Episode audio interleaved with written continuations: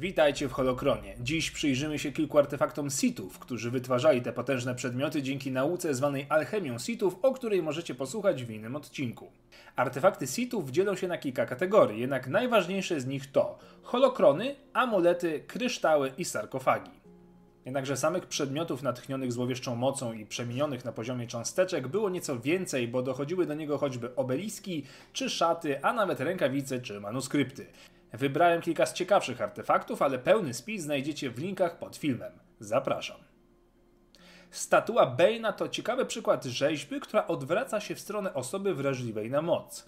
Po kryzysie na Nabu artefakt wpadł w ręce Darth Sidious'a, który był w jej posiadaniu aż do swojej śmierci na drugiej Gwieździe Śmierci, gdzie owy przedmiot także się znajdował. Wcześniej był niejako ukryty wśród licznych dzieł sztuki zgromadzonych w jego biurze na Coruscant.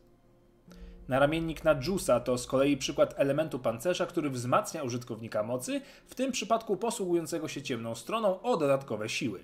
Przedmiot wymagał jednak ataku na osobę posługującą się jasną stroną. Jeżeli posiadacz zaatakował kogoś, kto również posługuje się ciemną stroną, wzmacniał ataki wroga, a nie noszącego. Embrace of Pain to mało przyjemne, organiczne urządzenie do torturowania. Ofiara więziona była do góry nogami, a żywa maszyna skanowała biomechaniczne procesy mózgu, tak aby utrzymać poziom zadawanego bólu na optymalnym poziomie. Potrafiła przeprowadzać bardzo zróżnicowane formy torturowania, takie jak rozciąganie, traktowanie kwasem lub elektrycznością, wpuszczanie biotoksyn czy nacinanie nożami. Gdy ofiara była bliska śmierci, maszyna usypiała delikwenta, leczyła rany, pompowała niezbędne składniki odżywcze i zabawa zaczynała się od nowa. Wieść niesie, że nawet najpotężniejsi mistrzowie Jedi nie byli w stanie oprzeć się przejściu na ciemną stronę po zastosowaniu tego ustrojstwa.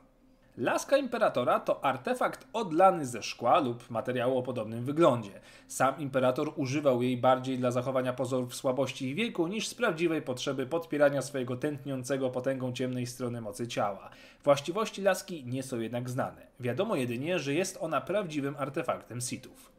Rękawice Kresza to specyficzny artefakt obronny, który uniemożliwiał komukolwiek dotknięcie użytkownika bez jego zgody. Każda istota chcąca mieć fizyczny kontakt została natychmiast odrzucana potężnym ładunkiem ciemnej strony mocy. Działało to również na ataki mieczem świetlnym. Rękawica potrafiła także odbić atak w stronę atakującego. Jej minusem był fakt, że noszący musiał mieć świadomość nadchodzącego ataku, bez tego artefakt nie mógł zadziałać. Korona cieni to z kolei artefakt autorstwa Kronala. Przedmiot w formie kapelusza czy po prostu dziwnego nakrycia głowy był swojego rodzaju odbiornikiem świadomości Kronala. Gdy ktoś zakładał koronę cieni, jej autor mógł przejąć jego ciało i świadomość. Jej używanie było jednak skrajnie niebezpieczne, gdyż przerwanie kontaktu między nadawcą a odbiorcą podczas transmisji kończyło się petryfikacją osoby, która sprawowała kontrolę. Na koniec zostawiłem chyba jeden z ciekawszych artefaktów w tym zestawieniu.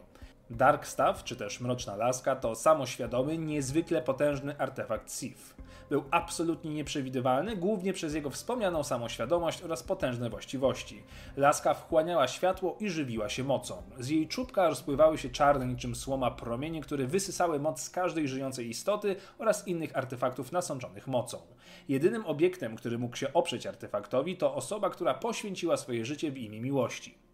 Gdy laska nagromadziła odpowiednią ilość mocy, potrafiła zniszczyć nawet całą planetę, sama nie będąc przy tym uszkodzoną. Mało tego, potrafiła teleportować się w inne miejsca. Do tego artefakt był odporny na działanie mocy, jakichkolwiek sił czy żywiołów, nie mówiąc nawet o ostrzu miecza świetlnego. I to wciąż nie wszystko, bo laska potrafiła także kontrolować umysły wszystkich myślących istot, a nawet tych pozbawionych świadomości. Dorzućmy do tego jeszcze możliwość przemiany każdej istoty w potwory sitów, o których już była mowa, wskrzeszaniu zmarłych w formie zombie itd. Tak itd. Sam artefakt bardzo mocno oddziaływał na użytkownika, doprowadzając nierzadko do szaleństwa czy śmierci, choć istniały techniki, by zabezpieczyć się przed zgubnym wpływem tego przedmiotu. Resztę informacji i licznych atrybutów znajdziecie w linku pod filmem. Dzięki za oglądanie, zostawcie komentarz oraz suba, jeżeli chcecie więcej odcinków i niech moc będzie z Wami.